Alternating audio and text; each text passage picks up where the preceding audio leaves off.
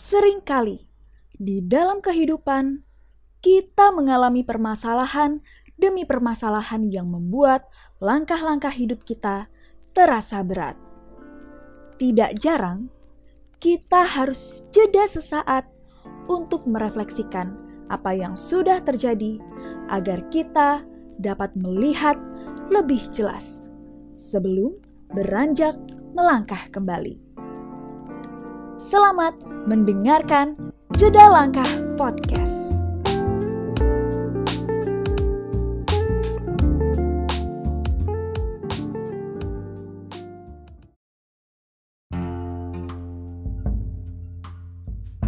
Saya meng...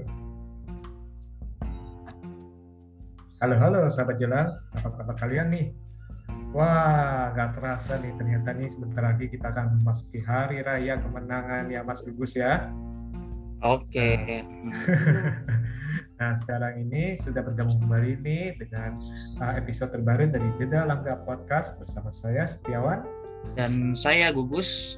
Pada kesempatan kali ini sebentar lagi kita Idul Fitri ya. Dan pastinya nih akan banyak makanan-makanan enak nih. Termasuk Iya. makanan-makanan bersantan ya Mas Tiawan ya. Yang yang pasti tuh bikin kita istilahnya seakan-akan tuh hari balas dendam ya. Saat puasa-puasa nahan-nahan, nah saat lebaran kita balas dendam semua makanan dimakan gitu. Cuman kan kita gimana caranya nih kita juga tetap harus menjaga kesehatan supaya ketika setelah lebaran masuk kerja habis pas libur lebaran bukannya izin sakit tapi kita udah benar-benar fresh gitu. Nah, Betul, Gimana betul, nih, betul nih. Betul Mas nih, Tiawan Mas nih? Gugus nih.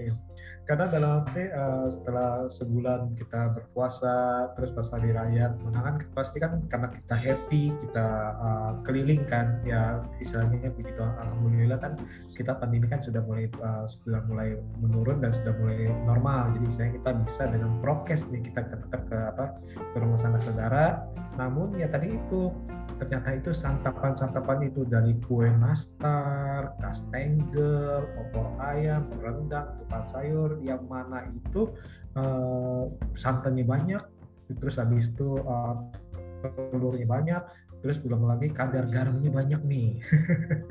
nah daripada kita pusing-pusing, daripada kita mulai ngiler nih, mendingan kita langsung aja. Nah, sekarang ini sudah bergabung dengan kita ini sahabat sharing jelang eh, Kak Imas Kak Destiara. Apa kabar Kak Imas? Ya, alhamdulillah baik dok. Iya, Kak? Imas. Ya, gimana kabarnya dok? Pas gugus, gimana kabarnya? Oke, luar biasa. Ini Kak Imas juga masih dalam bertugas ya, bisa menyempatkan Iya. waktu untuk sharing-sharing mengenai eh, kesehatan gitu. Oke, Ya, Kak Imas nih. ya. Iya. Mm-mm. Oke, Kak Imas nih kita eh, langsung aja nih kita mau tanya nih penasaran gitu ya. Kira-kira tuh sebenarnya eh, eh, banyak yang bilang eh, kalau di tempat kerja saya nih biasanya habis libur lebaran tuh ada beberapa izin sakit gitu karena makanan kebanyakan rendang, kebanyakan opor, kebanyakan makan yang berlebihan jadi seperti itu. Nah, kira-kira ketika lebaran tuh apa aja sih penyakit yang timbul ketika seseorang tuh tidak menjaga pola makannya? Ya, jadi gini ya Mas Gugus kan tadi udah dijelasin ya, Mas Gugus udah cerita sendiri kalau kita tuh sebenarnya pas Lebaran itu jadi kayak hari pembalasan ya. Banyak kebetulan banyak makanan yang enak, terus kita juga ngerasa oh udah mulai gak ada yang dibatasin lagi, terus karena kemarin-kemarin sebulan kita setiap siang nggak bisa makan, jadi kayak ada perasaan seneng sendiri nih siang-siang udah bisa makan lagi ya. Ditambah memang eh, depan mata kita udah banyak sajian-sajian yang tinggi santan, tadi tinggi garam gitu. Nah, kalau misalnya eh, seperti kita tahu sendiri ya, kalau misalnya santan eh, olahan-olahan yang tinggi santan itu itu bisa menyebabkan eh, kadar kolesterol di dalam tubuh kita tuh tinggi. Jadi kebanyakan sih kalau kalau kebetulan kan saya kerja di puskesmas. Biasanya kalau habis hari raya tuh rujukan yang datang ke poligizi itu rata-rata itu karena yang satu tadi eh, karena tinggi kolesterol, terus eh, karena tensinya juga tinggi, hipertensi biasanya. Terus ada juga beberapa sih, cuma ada juga yang tinggi urin biasanya. Nah, Uh, tapi memang yang lebih dominan itu ya tadi tinggi kolesterol sama uh, hipertensi yang tinggi gitu ya tadi karena akibat makanan-makanan yang bersantan. Nah kebetulan biasanya kan sering diangetin juga tuh nggak langsung habis jadi hari ini makan yang bersantan besoknya masih makan yang sama kayak gitu. Iya iya betul betul ini menarik nih soalnya seperti yang kita ketahui kan makanan-makanan uh, terutama nih Nusantara ya kan ya. ada berbagai macam kayak dalam arti yang apalagi yang gurih-gurih misalnya hmm. belum lagi yang manis-manis ya kak ya dalam arti ya, ya betul. jadi hmm. istilahnya kan kadang-kadang ini kan tadi itu karena kita sudah sebulan ini menahan terus habis itu pas hari raya dalam arti kadang-kadang kan karena karena kita berjumpa dengan sanak saudara kita kan uh, happy nggak sadar nih hmm. di di depan di depan mata kita itu uh, minuman manis uh, terus habis itu uh, tadi itu kue-kue yang tadi itu tinggi tinggi saya tinggi lemak dan juga tinggi garam Nah, itu kan kadang-kadang kan kita itu baru satu rumah tuh, belum lagi habis itu kita langsung ke rumah pindah tante lagi. yang lain, ha, betul, pindah betul. lagi.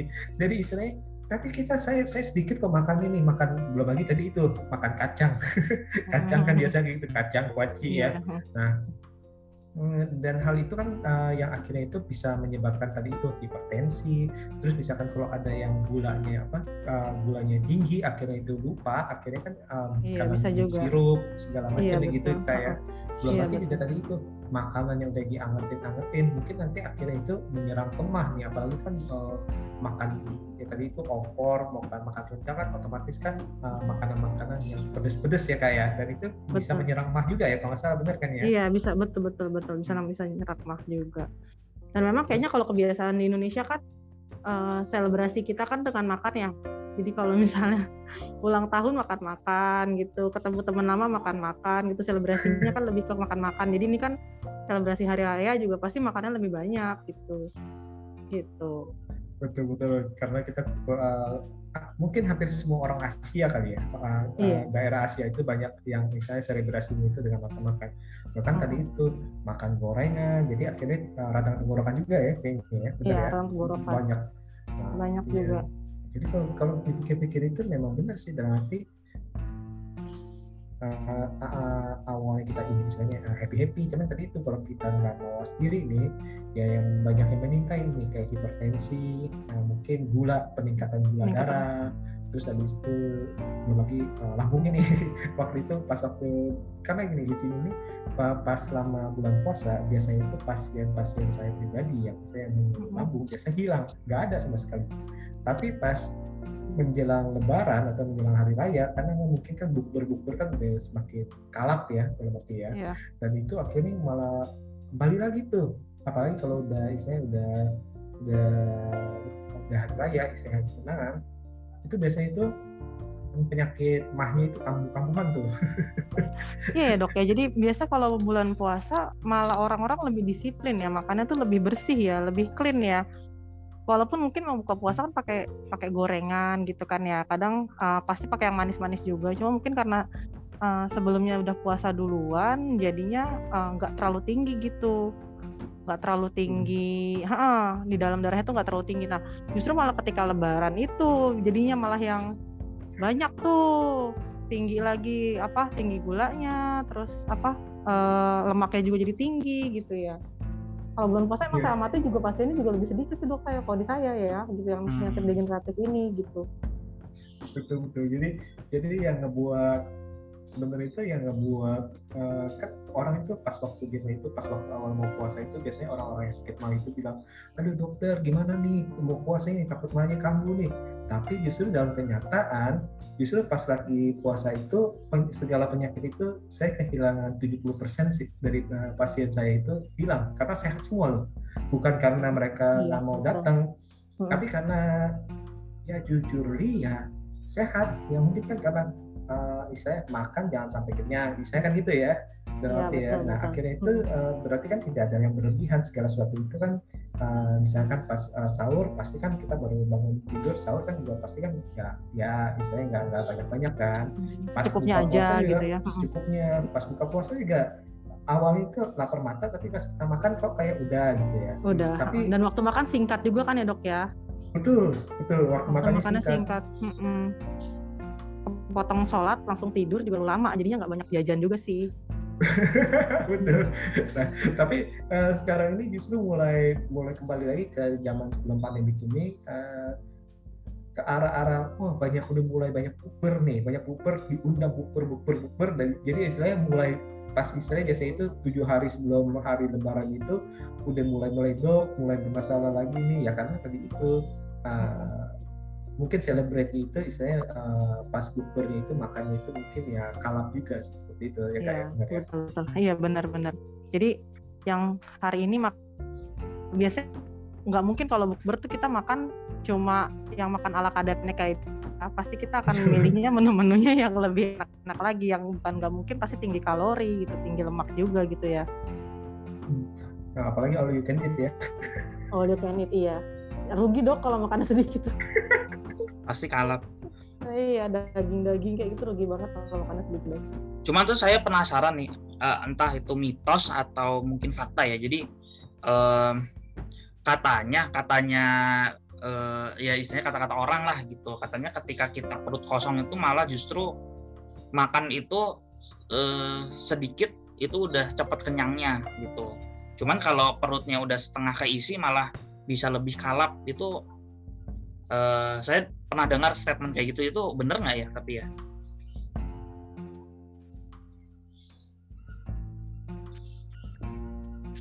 Halo? Gimana dok? Kalau saya sih hmm, kalau saya pribadi justru baru dengar ya soal mitos kayak gitu. Itu mungkin mitos ya atau saya saya kurang jelas ya dok ya kalau ini mitos atau bukan It, ya dok. Tapi itu kan mitos saya sih tahunya, mitos all you can eat um, katanya kalau saya sih malah tahunya yang kalau kita memang makannya lebih lambat gitu kita makannya ngunyahnya yang lebih lama jadi kan memang otak kita tuh ngasih sinyal ke perut kita gitu. Jadinya uh, sinyal kenyang itu tuh lama di perut. Jadi kalau kita makan yang lebih lambat lebih tenang dikunyah yang lebih lama gitu kita lebih mudah cepat kenyang karena otak kita udah ngasih sinyal ke lambung kita gitu. Makanya kalau kita makannya cepet oh jadi makannya banyak ya? Karena memang belum dikasih sinyal perut kita hmm. gitu dari otak kita gitu. Nah kayak lebih disarankan kan makannya lambat dikunyahnya 30-an gitu kan lebih pelan-pelan supaya biar uh, ngasih sinyal ke otak kita bahwa udah ada makanan yang masuk jadi lebih mudah kenyang. Tapi kalau yang tadi yang setengah makannya lebih tadi lebih sedikit ya? Iya jadi lebih dari sedikit. rumah tuh kayak uh, ini dulu apa istilahnya tuh kayak makan roti dulu nah baru makan all you can eat gitu. Katanya orang-orang tapi kalau misalnya kita makan di resto sih ya, makan di resto atau ala-ala barat, memang appetizer atau makanan yang pembuka itu kan memang dikasih rasa-rasa yang asin-asin itu mengundang rasa lapar sih. Nggak hmm. dikasih makanan manis karena makanan manis itu kan makanan yang tinggi kalori ya. Jadi uh, kalau misalnya kita dan mudah dijadiin kalori itu dia. Jadi kalau misalnya udah habis kita makan, kita lebih mudah kenyang. Simpelnya sih kayak misalnya kita udah lemes-lemes terus uh, minum teh manis yang gula doang gitu atau enggak minum susu gitu kan langsung kenyang gitu. Hmm. makanya uh, bukan makanan manis. Tapi kalau misalnya tadi biar kayak makan makanan yang ini makan uh, bisa lebih lapar lagi gitu. Mungkin makanannya adalah makanan yang asin jadi bikin kita justru lebih lapar lagi gitu. Hmm, make sense ya. Oh secara tes ya, ya secara tes sih secara rasa memang yang si asin atau gurih ini lebih mengundang kita untuk pengen makan lagi gitu. Hmm atau kalap kali bus kalap. Iya nggak sih dok? Kayak gitu aku takut salah tapi kayaknya sih kayak gitu. Saya sih searching searching di Google. Biasanya kalau all you can eat tuh ada kayak strategi makan all you can eat biasanya gitu. Katanya jangan sampai terlalu lapar gitu. Dan benar ketika saya berpuasa nih buka puasa tuh porsi makan tuh nggak terlalu banyak gitu. Jadi kayak makan gorengan eh, es buah gitu udah langsung kenyang gitu nasi itu bisa kayak entar-entar gitu jam 9, jam 10. Biasanya sih oh. gitu. Oh, jadi biar biar biar makan banyak ya. Pas gugus kelihatan kurusan. Lebaran naik 4 kilo. ya, Puasa turun sekilo ya. Puasa turun 2 kilo jadi nah, nombok jadi ya? sepertinya benar sih dalam arti gini uh, itu kenapa kalau kita bilang itu uh, orang Prancis itu kalau makan itu istilahnya mereka itu makannya dikit-dikit uh, istilahnya uh, pelan-pelan nah itu uh, kadang-kadang itu kenapa mereka juga membagi makanan jam makan itu menjadi five times ya daily ya iya mereka ya. five times Hmm. Jadi dalam arti uh, di mana itu misalnya ada makanan makan pagi breakfast terus habis itu uh, tea time, lunch, tea time sama supper ya. Nah itu Hmm. mungkin kan uh, dibagi gitu jadi istilahnya uh, ini juga melatih istilahnya uh, porsi kali ya. Dalam arti dengan dengan berarti kan kalau kita membagi lima lima lima jam makan, otomatis uh, small but frequent dalam arti lebih sering tapi uh, dalam small uh, apa uh, Portion gitu portion betul. Porsinya lebih small ya. Nah ini Hmm. akhirnya ini mempengaruhi istilahnya asam lambung yang setiap kali kita keluar. Akhirnya itu istilahnya jadi ya sudah terlatih sudah terlatih makan dikit makan dikit dan istilahnya tadi itu gikunya eh, setidaknya itu mengirim sinyal mengirim, mengirim sinyal bahwa kita ini harus ingat nih kita udah makan nih kita mengunyah nih. Ibarat kata gini loh Gus. Dalam arti eh, Mas Gugus nih eh, ada satu buah apel Mas Gugus eh, pilihannya dimakan atau di jus nah, Hmm. Nah, kalau di pas pertama-tama pasti sama-sama kenyang. Tapi eh, entah kenapa itu menurut pengalaman itu kalau kita dimakan itu rasa kenyangnya akan lebih lama daripada kita minum. Minum. Walaupun sama-sama satu a- walaupun sama-sama satu apel. Karena eh, selain istilah selain dalam arti eh, lambung masih butuh untuk eh, mencernanya, lambung ini butuh mencerna jadi lebih lama nih dalam arti. Kalau minum kan udah udah udah hancur kan tapi selain itu juga di otak itu terasa ini kita minum nih, ini kita minum nih. Sama seperti Iya, makan bubur sama makan nasi ya dalam arti ya. iya. Nah, makan bubur mungkin lebih cepat lapar walaupun mungkin Hmm. porsinya lebih banyak tapi ya karena itu karena lebih lunak jadi istilah lebih seperti itu dan ngunyahnya juga kan langsung di scoop aja bubur itu itu mungkin salah satunya sih seperti itu sih Hmm. Iya, gimana iya. kak? Oke. Iya iya iya benar dok. Saya tuh kalau misalnya jadi benar-benar saya kalau saya kan kebetulan suka ngejus juga ya. Memang tiap hari itu harus minum jus karena memang eh, saya eh, udah biasa gitu udah habit untuk minum jus. Saya tuh kalau dikasih apel satu tuh bisa nggak habis, nggak kelar-kelar itu makan. Kayaknya udah kenyang aja bawaannya, udah lelah duluan karena lama ngunyahnya kan. Tapi itu apel saya dikasih 4 sampai 5 biji dijadiin 2 liter gitu saya minum saya kuat di jus. Langsung habis bisa. Ya karena itu memang kita nggak perlu mikir nggak perlu nggak perlu lama ngunyah itu kan butuh effort juga ya. Jadi kadang udah lama kita gitu kan ya ngerasainnya gitu. Jadi malah males sedangkan kalau minum kan cepat terus juga eh, konsekuensinya ya paling itu nggak nggak butuh waktu lama terus eh, paling buang air besar eh, buang air kecil lebih sering karena cairannya banyak gitu tapi nggak kita nggak butuh usaha banyak jadi paling nggak berasa kenyang juga nggak. Nanti nggak lama lagi udah lapar lagi gitu. Tapi kalau misalnya ngunyah gitu kan jadi mudah ditahan lama gitu kalau misalnya kita buah-buahan kita punya. Oke. betul dan dan lagi pula juga kan eh, otomatis kan dalam pencernaan juga yang apa eh, kita ini masih membutuhkan waktu untuk mencerna Ber- eh, berbeda dengan kita minum jus dalam arti ya. Kalau dengan Itu ada partikel eh, kecil ya dok ya? Betul. Dan Mm-mm, misalnya bahkan terlalu halus dalam arti nah misalkan kalau kita makan berarti kan itu kan lambung kita masih terisi dan masih butuh saya bisa butuh waktu untuk eh, menyerapnya nih mengolahnya nih. Dan itu mungkin saya yang tadi itu bilang bilang apa eh, lebih tadi itu selain dengan memilih makanannya ya kita memilih cara kita makan. Bahkan kalau kita bilang eh, misalnya kayak kak, kakak nih kakak ditanya udah makan belum? Belum nih padahal udah minum jus yang berisi tiga apel. Nah, saya kan gitu kan kalau misalkan tapi kalau kita makan satu buah apel udah makan belum? Misalnya ya. Udah eh, ngomong ngomongnya pasti masih ngomong belum sih baru makan apel. Ya belum sih tapi baru makan apel seperti itu. Tapi udah terasa makan gitu ya dok ya? Padahal ah, satu setidaknya ya. di memori. Kalau saya sih kalau nggak nasi nggak makan. Berarti belum makan. kalau belum sepiring ya jadi kalau misalnya lontong doang walaupun isi nasi belum makan ya Gus ya belum, belum. Harus walaupun nasi tiga piring. ya lontongnya harus tiga walaupun tiga ya lontongnya gitu kan. Iya. Oke. Oke, eh, pertanyaan selanjutnya nih, kita back to the laptop nih. Eh, nah, tadi kan tentang penyakit, penyakit, penyakit, penyakit. Nah, kira-kira supaya supaya kita itu menjaga eh, kesehatan pasca Lebaran nih, bagaimana nih caranya nih? kalau dari saya sih ya. Kalau misalnya ya memang basicnya tuh kan sesuatu yang berlebihan kan nggak baik ya buat tubuh kita gitu. Kalau misalnya mau makan yang berlemak contoh santan contoh rendang kita nggak mungkin yang lain pada makannya rendang. Oppo kita makan sayur asam sayur bayam sendiri kan nggak bisa ya gitu. Nggak lebaran dong kita kan tetap aja nggak apa-apa mau makan bersantan gitu mau makan yang manis ada ada kue-kue kering itu boleh tapi tidak berlebihan gitu. Kalau misalnya dan usahakan imbangi juga dengan serat. Jadi kalau misalnya uh, sehari makan tiga kali uh, sudah ada lontong misalnya sudah ada opor gitu jangan kalau bisa sih tetap ada sayurnya. Kalau misalnya nggak punya sayur bisa digantikan dengan buah-buahan lah. Minimal ada yang berseratnya. Tadi tuh misalnya mau pir atau apel kayak gitu. Terus kalau sudah seperti itu minumnya ya kalau bisa jangan yang manis-manis lagi. Ya air hmm. putih cukup kayak gitu. Kalaupun mau di jus misalnya karena males lah makan sayur kita kan masih harus ngeimbangin seratnya nih males lah punya sayur atau males lah makan buah-buahannya. Udah nggak ada sayur ada mau diganti buah dan buahnya malas di, malas dimakan malas dikunyah boleh lah kalau misalnya kepepet ingin di jus. Ya udah boleh di jus dengan catatan tidak tambah gula lagi gitu.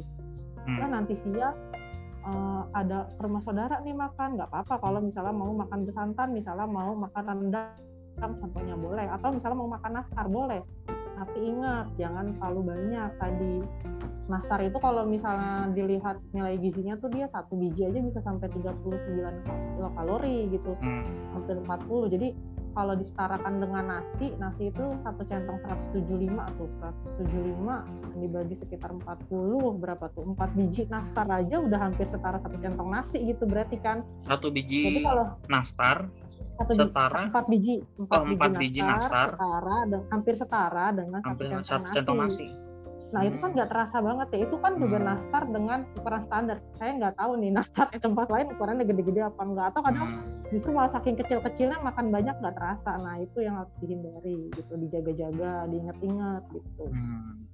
Jangan sampai kita kalap. Tuh. Terus besoknya nih biasanya kita kadang-kadang kan di rumah itu masak dengan menu yang sama. Menu yang pasti kan kalau menu lebaran banyak ya. Masaknya rendang tuh langsung 2 kilo gitu misalnya. Besoknya masih ada menu rendang. Ya kalau misalnya masih bisa uh, di keep dulu gitu di stop dulu nih rendangnya terus besoknya lagi gitu. Atau enggak mau misalnya udah kepepet harus tetap makan rendang nggak bisa lah di keep dulu boleh tapi tadi berarti uh, jangan banyak-banyak rendangnya sepotong jadikan untuk lauk itu tambah tadi sayur atau enggak buah sebagai seratnya sebagai sumber seratnya. Minumnya udahan dulu nih minum-minum manisnya gitu. Jangan lupa air putih. Dan kalau bisa sih sebenarnya kalau saya selalu berpikir kalau misalnya agak sulit mengimbangi makanan yang seperti itu kita boleh tambahkan dengan olahraga usahakan hmm. aktivitas gitu aktivitas lah lebaran-lebaran jalan kaki lah ke rumah saudaranya jangan naik motor gitu ke rumah tetangga-tetangga hmm. gitu tapi jangan sambil ke rumah tetangga nyomot satu nyobain kue nyomot lagi nyomot lagi banyak kayak jadi kuenya yang dicobain gitu ya nggak dok oke okay. dokter lagi ada pasien oke okay. oke okay. uh, eh, berarti uh, tadi kan uh, menyinggung masalah kalori ya. Jadi saya iseng juga nih untuk searching di Google nih. Uh, benar nggak ya uh, Kak Imas ya? Jadi uh, untuk wanita itu kebutuhan kalorinya itu 2000 sedangkan laki-laki itu kira-kira 2500 per hari ya? Sebenarnya kalau ngitung kebutuhan kalori itu hmm. ada nama cukup ya. Kalau kebutuhan energi itu persen sih by by persen jadi setiap orang tuh bisa beda-beda saya sama gugus misalnya umurnya sama hmm. tapi karena gugus laki-laki saya perempuan itu bisa berbeda nilai gizinya saya kerjaannya cuma duduk doang walaupun saya pagi sampai sore tapi saya duduk doang gugus hmm. kebetulan atlet bisa beda hmm. kelamin okay, okay. terus aktivitasnya jadi nah tapi kalau misalnya gugus nanya ehm, tadi 2000 dengan 2500 kalau gugus mau cari mau cari angka kecukupan rata-rata jadi kalau kecukupan itu diambil rata-rata nih kira-kira kalau perempuan usia 18 sampai dengan 30 tahun tuh segini di Indonesia karena mereka menghitungnya hmm. perkiraan. Hmm. Nah, gitu. Jadi enggak bukan bukan seperti itu sih. Mungkin itu kecukupan maksudnya gugus kali ya. Hmm, kecukupan ya. Iya, okay. kecukupan. Kalau kecukupan bisa dicek sih gugus kalau mau cari angka kecukupan gizi Indo apa namanya? angka kecukupan gizi Indonesia apa?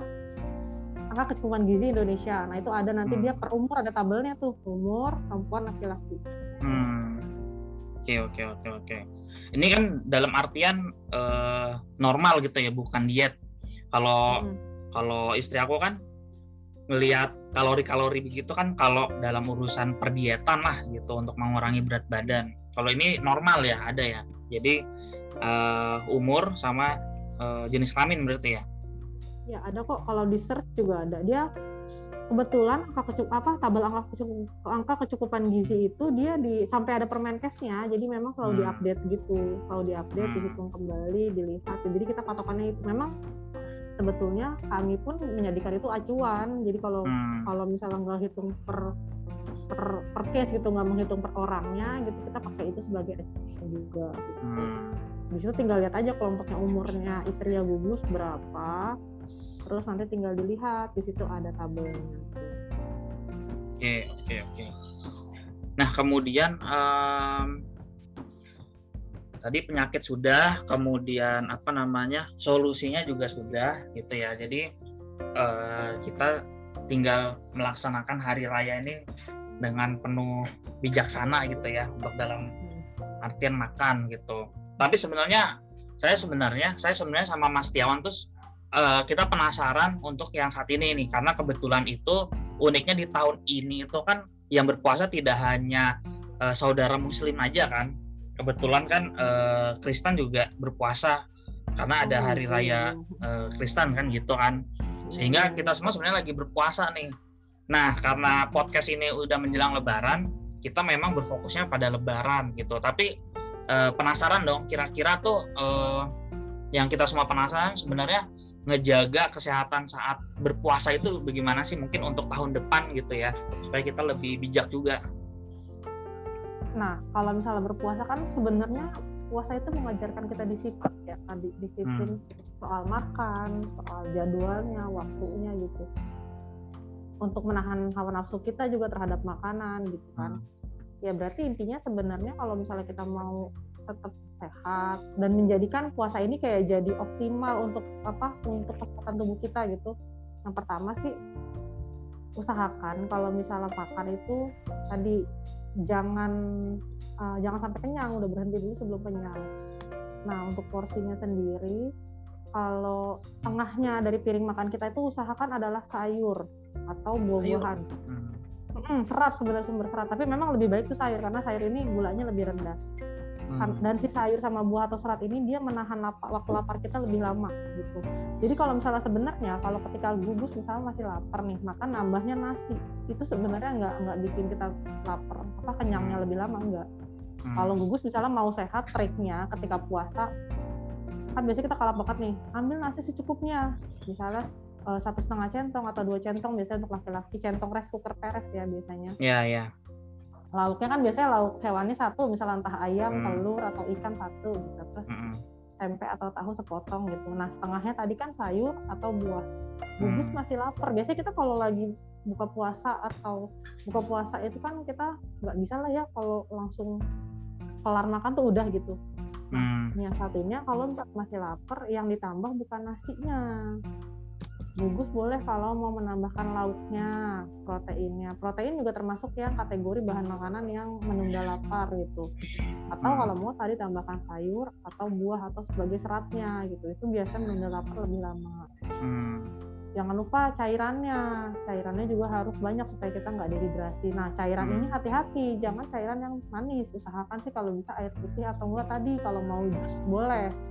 Tapi dengan catatan tidak tambah gula sama Kalau- berlaku ke iya. pas sahur juga begitu pas sahur Hmm. usahakan juga dengan pola yang seperti itu kalau nah saya makanya kalau kalau eh, saya gimana eh, gimana Gus aku penasaran kalau kalau minum kopi itu saat sa- sahur itu aman nggak sih sebenarnya karena itu kebia- kebiasaan juga tuh kopi kurang teh aman gitu sih Gus soalnya kan si kopi itu kan dia bisa Hmm. memacu lambung ya lambung Lambung. bekerja lebih keras gitu kan kalau kopi memang nggak di nggak dianjurkan sih kopi sama Hmm. teh itu. Lebih lebih dianjurkan tadi sih minum air putih kayak gitu. Atau misalnya kepingin sebelum imsak ya mendingan sih kurma sih air kurma tuh air nabis atau kurma itu kan dia sumber kalori juga tuh sumber gula sumber Hmm. tenaga itu lebih dianjurkan sih. Jadi nanti puasanya biasanya lebih berenergi tuh kita nggak Hmm. gampang lemas gitu. Dibandingkan tadi kopi sama teh. Kalau kopi sama teh sebenarnya untuk berbuka puasa atau pas sahur apalagi nggak dianjurkan sih Nggak usah ber- gitu. berarti waktu yang tepat untuk ngopi itu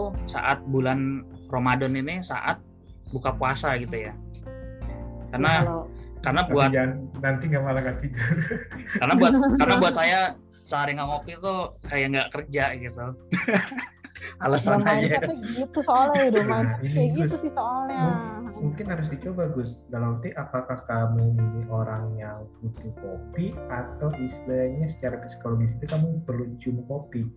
Jadi paling-paling gini paling aman itu ada karena kadang-kadang itu eh, kita ini hidup dari aroma dari penciuman. Hmm. dan salah satu memang uh, bukan salah satu salah dua aroma yang membuat kita tenang nyaman itu uh, adalah uh, bau kopi dan bau roti baru masak. Roti roti ya. Bread nah jadi paling paling uh, supaya itu paling paling ini kalau mau bungkus itu paling paling kopi diseduh terus habis itu biar cium Gus. langsung hilang rasa kepengennya. Tapi kalau saya sih biasanya gini dok, kalau nganjurin ke beberapa pasien-pasien yang misalnya dia gula gula darahnya tinggi ya, eh, mereka tuh sukanya tadinya nggak bisa kalau saya kalau nggak bisa minum nggak minum kopi sehari tiga kali tuh saya nggak bisa. Saya biasanya anjurkan yang gini, kalau mau berhenti kopi pelan-pelan pasti bakal sulit banget buat mereka dan hampir nggak mungkin gitu kan. Yang ada mereka stres kalau nggak dikasih kopi. Biasanya saya kasih pilihan ke mereka, bapak mau mengurangi frekuensinya dari tiga kali menjadi dua kali. Nanti kalau misalnya bapak udah sanggup ngurangin dua apa udah bisa adaptasi dengan dua kali, bapak kurangin lagi jadi satu kali.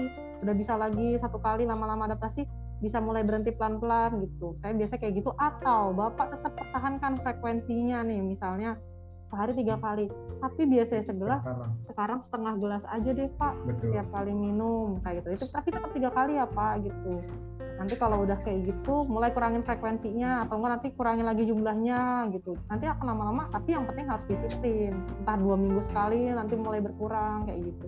Atau kalau masih ngeyel-ngeyel juga hmm, boleh bapak airnya sat- 200 mili tapi kopinya jadinya tadinya dua sendok jadi satu sendok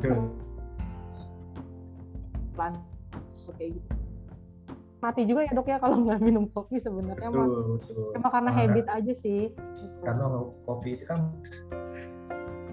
misalnya uh, obat-obatan yang bikin adiksi bukan? Berarti lebih ke berarti uh, kopi itu kan lebih adiksi itu berbeda berarti kan? Jadi kalau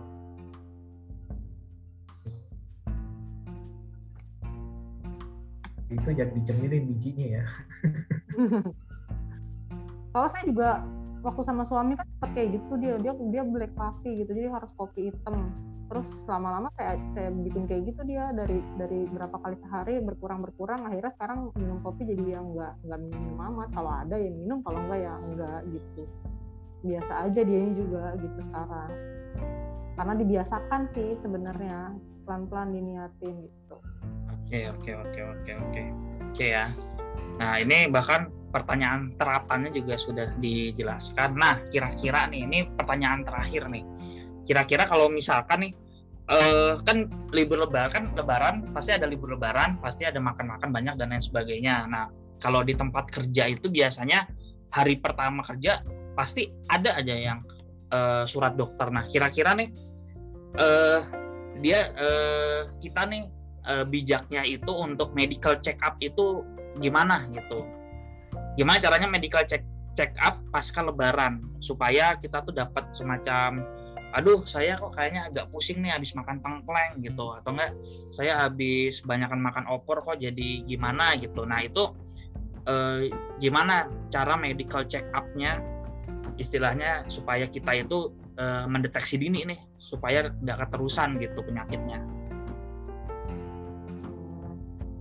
pengennya tuh sebelum sebelum sebelum Masuk. terjadi kita tuh udah bisa ngerasa sendiri gitu ya biar Mm. kalau misalnya dari kalau misalnya saya kan sebenarnya eh, biasanya datangnya kan paling penyakitnya yang degeneratif kayak asam urat tinggi terus Hmm. kolesterol tinggi gula darahnya tinggi gitu kan diabetes yang seperti itu kan kalau yang selain karena tadi pola makan yang udah saya jelasin ya tinggi serat gitu biasanya sih saya paling bilang kalau misalnya udah ada rasa-rasa kayak gitu mendingan uh, olahraga gitu. Terus ya dikurangin makanan-makanan berlemaknya makanan berlemak terus balik lagi ke habit yang baiknya gitu. Dan saya selalu anjurkan usahakan. Kita kan kalau misalnya makan itu pasti ada nasi tadi ya lauk hewani lauk nabati tambah sayur. Usahakan nih misal lauknya udah digoreng gitu ikannya digoreng. Tahu atau tempe misalkan jangan yang digoreng pepes gitu kan. Hmm. nah sayurnya juga kalau bisa jangan yang bersantan gitu. Minimal kalau misalnya memang ada minyak apa paling banyak minyaknya di tumis misalnya tumis kangkung tapi kalau, kalau bisa ya yang nggak ada minyaknya gitu entah mau bening bayam atau sayur asem gitu. Contoh misalnya menu jadi jangan sampai nih udah rendang pakai tempe goreng pakai gulai nangka gitu besok. Nah kalau jadi kalau mau medical check up udah mulai berubah tuh pola-polanya yang kayak gitu tuh. Jadi misalkan kalau misalnya mau medical check up berapa hari sebelumnya kurangin yang berlemak tadi. Berarti kalau misalnya pilih makanan misal tadi tempenya udah digoreng ayamnya pilihlah ayam bakar gitu. Hmm. atau enggak um, ayam ungkep pepes ayam gitu kan terus sayurnya tadi bening bayem atau enggak tumis oyong yang tinggi serat atau tadi paling paling enggak sayur asem kayak gitu beberapa hari sebelumnya. Jadi badannya udah enak lagi. Jadi hmm, jangan yang banyak lemak kayak gitu. Salah satu aja pokoknya dalam satu piring makan kita satu menu yang menunya itu dari itu satu aja yang ada uh, minyaknya. Yang lainnya usahakan rendah minyaknya gitu. termasuk yang manis-manis juga berlaku gitu ya. Jadi kalau misalnya ingin makan ayamnya ayam bumbu kecap berarti tempenya atau tahunya jangan tempe apa? Bacem. Mm, mm, jangan tempe bacem jangan orek tempe juga gitu. Hmm. sayurnya juga jangan gudeg. Hmm. oke okay, oke. Okay. itu sih simpelnya kalau dari saya. Oke oke oke. Jadi uh, pun nanti uh, kita harus memang menjaga makan ya menjaga makan. Ya istilahnya gampangannya itu kan empat sehat lima sempurna ya Oh iya, empat sehat. Udah seimbang. Sekarang udah gizi seimbang ya, Mas Gugus. Oh, bukan empat sehat lima sempurna ya? Enggak Saya dong. kurang up to date nih kayaknya nih. Iya dong. Tapi kalau bicara susu protein hewani. Oh, oke okay, oke okay, oke. Okay.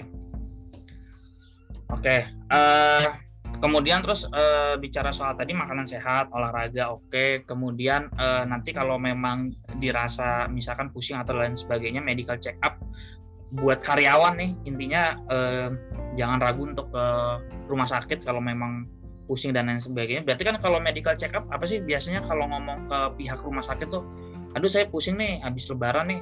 Bisa apa sih gula darah gitu ya berarti ya tadi ya gula darah, kolesterol, asam urat itu ya. Hmm, paling tambahan tensi kayak gitu. Oh sama tensi biasanya ya. Ya ya ya ya. Karena kalau di kantor saya eh, yang sebelumnya tuh biasanya pas ke lebaran tuh ada medical check up mengenai mengenai tiga itu oh, asam urat. wajib nggak sih kalau kayak gitu? Atau kolesterol. emang emang emang pengen aja gitu wajib nggak sih kalau emang di kantor swasta? Nggak wajib. Cuman oh. kalau biasanya kalau berapa perusahaan-perusahaan yang tambang gitu rajin melakukan hal seperti itu sebelum ke lapangan gitu. Tapi kalau perusahaan-perusahaan yang kayak apa namanya ya yang toko-toko gitu sih yang enggak juga sih. Nggak ada medical check up seperti itu. Cuman kebetulan dulu tempat kerja saya tuh pas ke lebaran tuh ada gitu. Itu karena memang dari manajemen yang punya inisiatif gitu. Jadi menjaga kesehatan karyawan ya menjamin ya. Iya mendatangkan ini dokter. Benar-benar mendatangkan oh. dokter untuk meningkatkan check up. Biasanya trio, trio itu tuh asam urat kolesterol gula darah sama tensi ya benar. Sama tensi juga sih gitu kalau kalau bisa sih memang yang dihindarin banget itu ini sih jeroan. Pokoknya kalau jeroan hati anti usus iya yang bersantan itu karena biasanya jeroan ini kan dia tinggi kolesterol tinggi asam hmm. urat nah kalau makan jeroan tuh saya selalu ingetin hati-hati kalau makan jeroan ya. Jeroan itu mau hmm. digoreng direbus aja tuh dia bisa bikin kolesterol naik asam urat hmm. naik tensi naik gula naik. Itu yang jeroan tuh biasanya. Nah kita di Indonesia ini kan kalau jeroan tuh jarang ya yang di rebus doang rebus doang tuh biasanya saat yang di tukang bubur tuh ya sate-satean yang lain pasti kan dia digoreng terus bumbunya bumbunya santan lagi jadi otomatis lemaknya udah tinggi banget gitu hmm oke oke oke eh, oke eh, sudah semua pertanyaan dijawab dengan baik gitu ya. Ada diskusi menarik juga sama Mas Tiawan. Nah, kebetulan Mas Tiawan juga sebenarnya juga lagi ada pasien ya, karena kita siang hari biasanya malam hari ya. Uh, uh, terima kasih ya Kak Imas atas uh, sharing sessionnya pada kami ya uh, jeda langkah podcast. Nanti kalau kalau ada konsultasi-konsultasi mengenai gizi seperti itu, mungkin Kak Imas biasanya konsultasinya ke mana ya?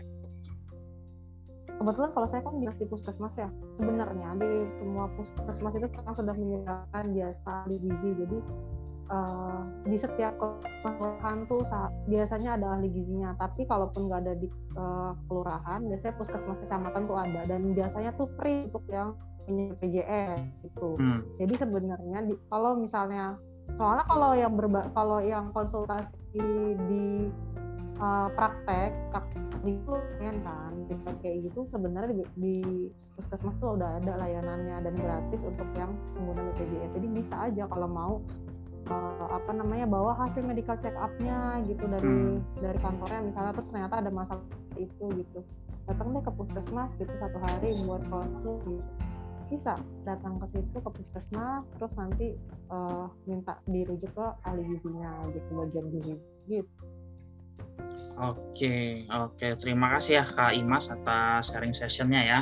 Eh, teman-teman uh, nanti uh, apalagi yang punya BPJS ya dimanfaatkan juga ya untuk kalau misalkan memang nanti pas lebaran terus uh, merasa dirinya sakit ya kok sebelum nanti misalkan kayak asam urat keburu benar-benar sampai yang parah atau kolesterol atau tensi darah tinggi dan lain sebagainya lah istilahnya ya langsung aja uh, ke rujukan ya ke vaskes pertamanya untuk untuk periksa jadi seperti itu Oke, uh, terima kasih Kak Imas, terima kasih ya Mas Tiawan juga. Uh, saya gugus. Uh, nantikan juga episode-episode lainnya yang uh, tidak kalah menariknya. Oke, uh, selamat Idul Fitri. Mohon maaf lahir dan batin. Kami Jeda Langkah Podcast. Selamat tinggal. Bye bye. See you. terima kasih.